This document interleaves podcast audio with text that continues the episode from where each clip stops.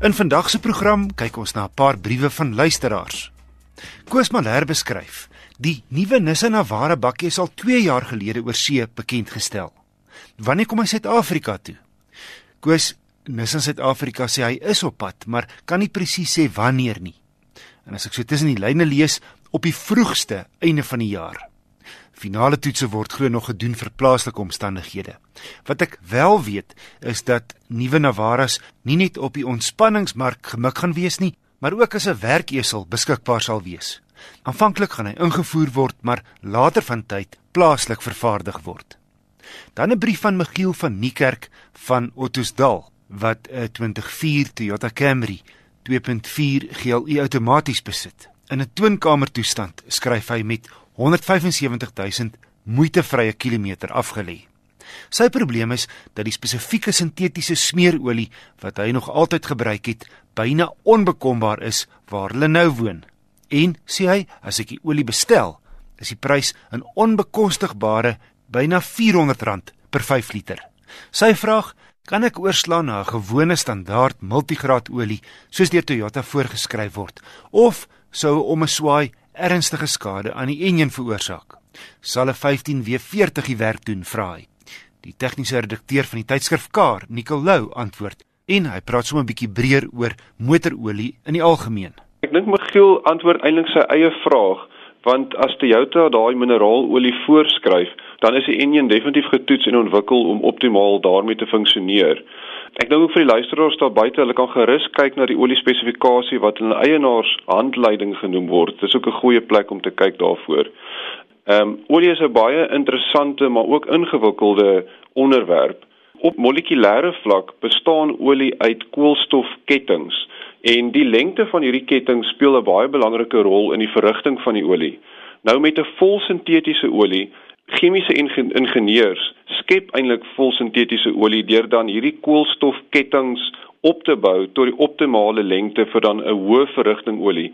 Nou volsintetiese olie kan dan baie hoë drukke en temperature hanteer soos wat 'n mens sal kry in in 'n renmotor enjin byvoorbeeld. Mineraalolie, soos die gewone olie wat ons gewoonlik van praat, dit word vervaardig deur dan die ruolie wat uit die grond uit te kom te raffineer maar dan kry jy op molekulêre vlak dat daai koolstofketting lengtes nie almal presies dieselfde lengte is nie. Dis geen probleem met gewone engines nie soos met Michiel se 2004 Toyota Camry, jy sal heel goed daarmee loop, maar die ketting lengtes wat dan nie optimale lengte is nie, sal in 'n hoë verrigting engine begin afbreek en dit kan dan die eienskappe van die die olie negatief beïnvloed. As ons dan praat van 'n 'n semi-sintetiese of 'n half-sintetiese olie, wat dit eintlik maar net is, is 'n mengsel tussen 'n vol-sintetiese olie en 'n mineralolie. En dan kry jy mens van die positiewe eienskappe van 'n vol-sintetiese olie, maar natuurlik is hy dan nie so duur nie, wees die persentasie van mineralolie wat dan ook in hierdie mengsel is. Nikkel, ek het onlangs uh, ook 'n navraag gekry oor iemand wie se kar lank staan en die persoon wou weet dis 'n 20 jaar oue Corolla. Die persoon wou weet of dit nodig is om by die handboek se diensperiode te hou en of mens 'n bietjie langer kan wag omdat die voertuig net 1000 km of so per jaar ry. Ja, ek weet die gewone diensintervalle sal gewoonlik dan wees sien maar die 10000 km of jaarliks, maar my persoonlike gevoel is as die voertuig regtig waar net 1000 km per jaar gedoen het, dink ek kan daai um, interval maar verleng word na 2 jaar toe sonder dat daar probleme sal wees. Nicolou, die tegniese redakteur van Car. Enige motornavraag kan aan my ge-e-pos word. Die adres is wissel@rsg.co.za. My wenk van die week hou verband met die dae wat al hoe korter raak. Al hoe meer bestuurders ry werk toe en terug met die son in hulle oë, wat omstandighede baie gevaarlik kan maak, veral by skole en busstoppe en padkruisings. Wat kan help? Natuurlik boonbehalwe jou voertuig se sonskerm is 'n goeie sonbril.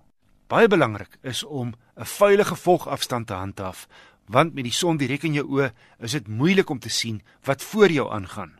Indien jy heeltemal verblind word, verminder spoed en gebruik die merkers langs die pad as 'n gids. En dan het die outomobielassosiasie 'n goeie punt. Moenie in so 'n geval hardrem nie, want die motoris agter jou het waarskynlik dieselfde probleem. En as die son jou konstant verblind, trek eerder af. Verder, Bestuur met jou ligte aan, dit maak jou meer sigbaar. En laastens, sorg dat jou voorvenster skoon is. 'n Vyle vererger sake. Volgende week, 'n padtoets van 'n Isuzu dubbelkajuit bakkie.